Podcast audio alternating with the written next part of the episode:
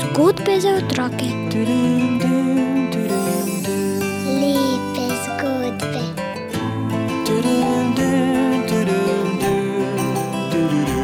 Bere nam jih Juri Sešar.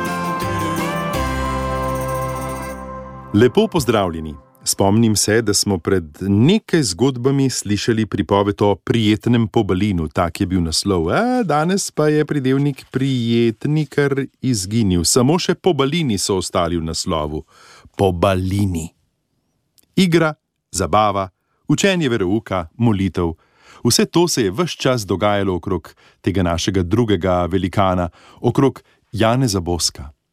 Najprej je bilo šest fantov, potem morda deset, pa potem dvajset, vedno več.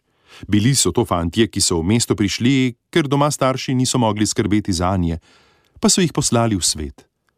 Don Bosko pa jih je učil tudi delati. Imeli so mizarske, čevljarske, frizerske delavnice, tako so se fantje marsikaj naučili in potem lažje dobili delo in se preživljali. Ob nedeljah pa hodili k njegovim mašam in pomaši na nogomet in vruk. A pripetilo se je kar pogosto, zdaj že vemo, da to pomeni večkrat. Da so prišli k Don Bosku tudi fantje, ki niso dobro mislili. Tako so neki večer ustavili Don Boska in ga prosili, če gre z njimi kaj popiti in pojest. Pa je šel, pa seveda on plačal. Potem so mu potožili, da nimajo svojega doma in jih je povabil k sebi. Na seniku jim je pogrnil rjuhe in jim pripravil ležišče. A ko je zjutraj prišel, da bi jih zbudil, ni bilo nikjer, ne fantov, ne rjuh, vse so mu pokradli. Janez je bil takrat žalosten, a v tem primeru je vedel, da jim lahko pomaga le z molitvijo in je začel moliti za nje. Nekoč se je pripetilo, da je bil Don Bosko zelo žalosten. Njegovo žalost je opazil eden izmed fantov, ki so bili v njegovem zavodu. Spraševal ga je in hotel na vsak način izvedeti, kaj ga teži. Janez Bosko mu je na zadnje povedal, da je zelo razočaran nad enim izmed fantov, ki ga je zelo užalil in ve, da je zdaj na slabi poti blizu slabe družbe. Fant, Don Boskov prijatelj, je napel moči, zavihal rokave in dejal: Grem in ga prebutam. Don Bosko pa ga je prijel za roko in odvrnil: Veš kaj, maščujva se skupaj. In mislite, da sta se spustila v pretep? Da sta prebutala tistega fantiča tako močno, da ni mogel več ostati?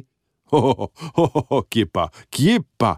Šla sta v cerkev, pokleknila v klop in Don Bosko je rekel: Zdaj bova zmolila za tega fanta.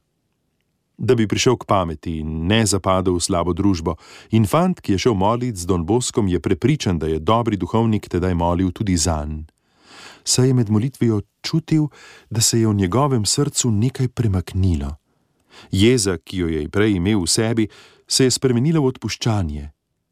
Dragi vsi, verjetno ste tudi vi kdaj že bili močno jezni ali zelo žalostni. Ste poskusili takrat kdaj moliti? Morda bo vse tole kakšen žalosten vzdihljaj. A če se spomnite, nas je prejšnji velikan Frančišek Saleški naučil tudi to, da je molitev lahko že samo kak vzdihljaj k Bogu.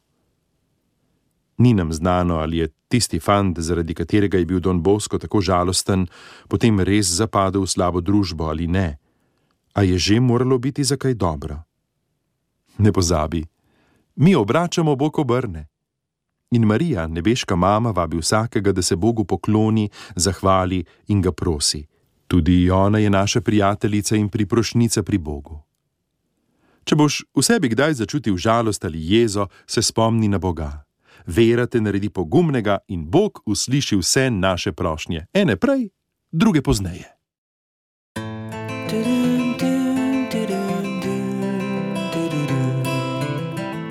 Zgodbe za otroke.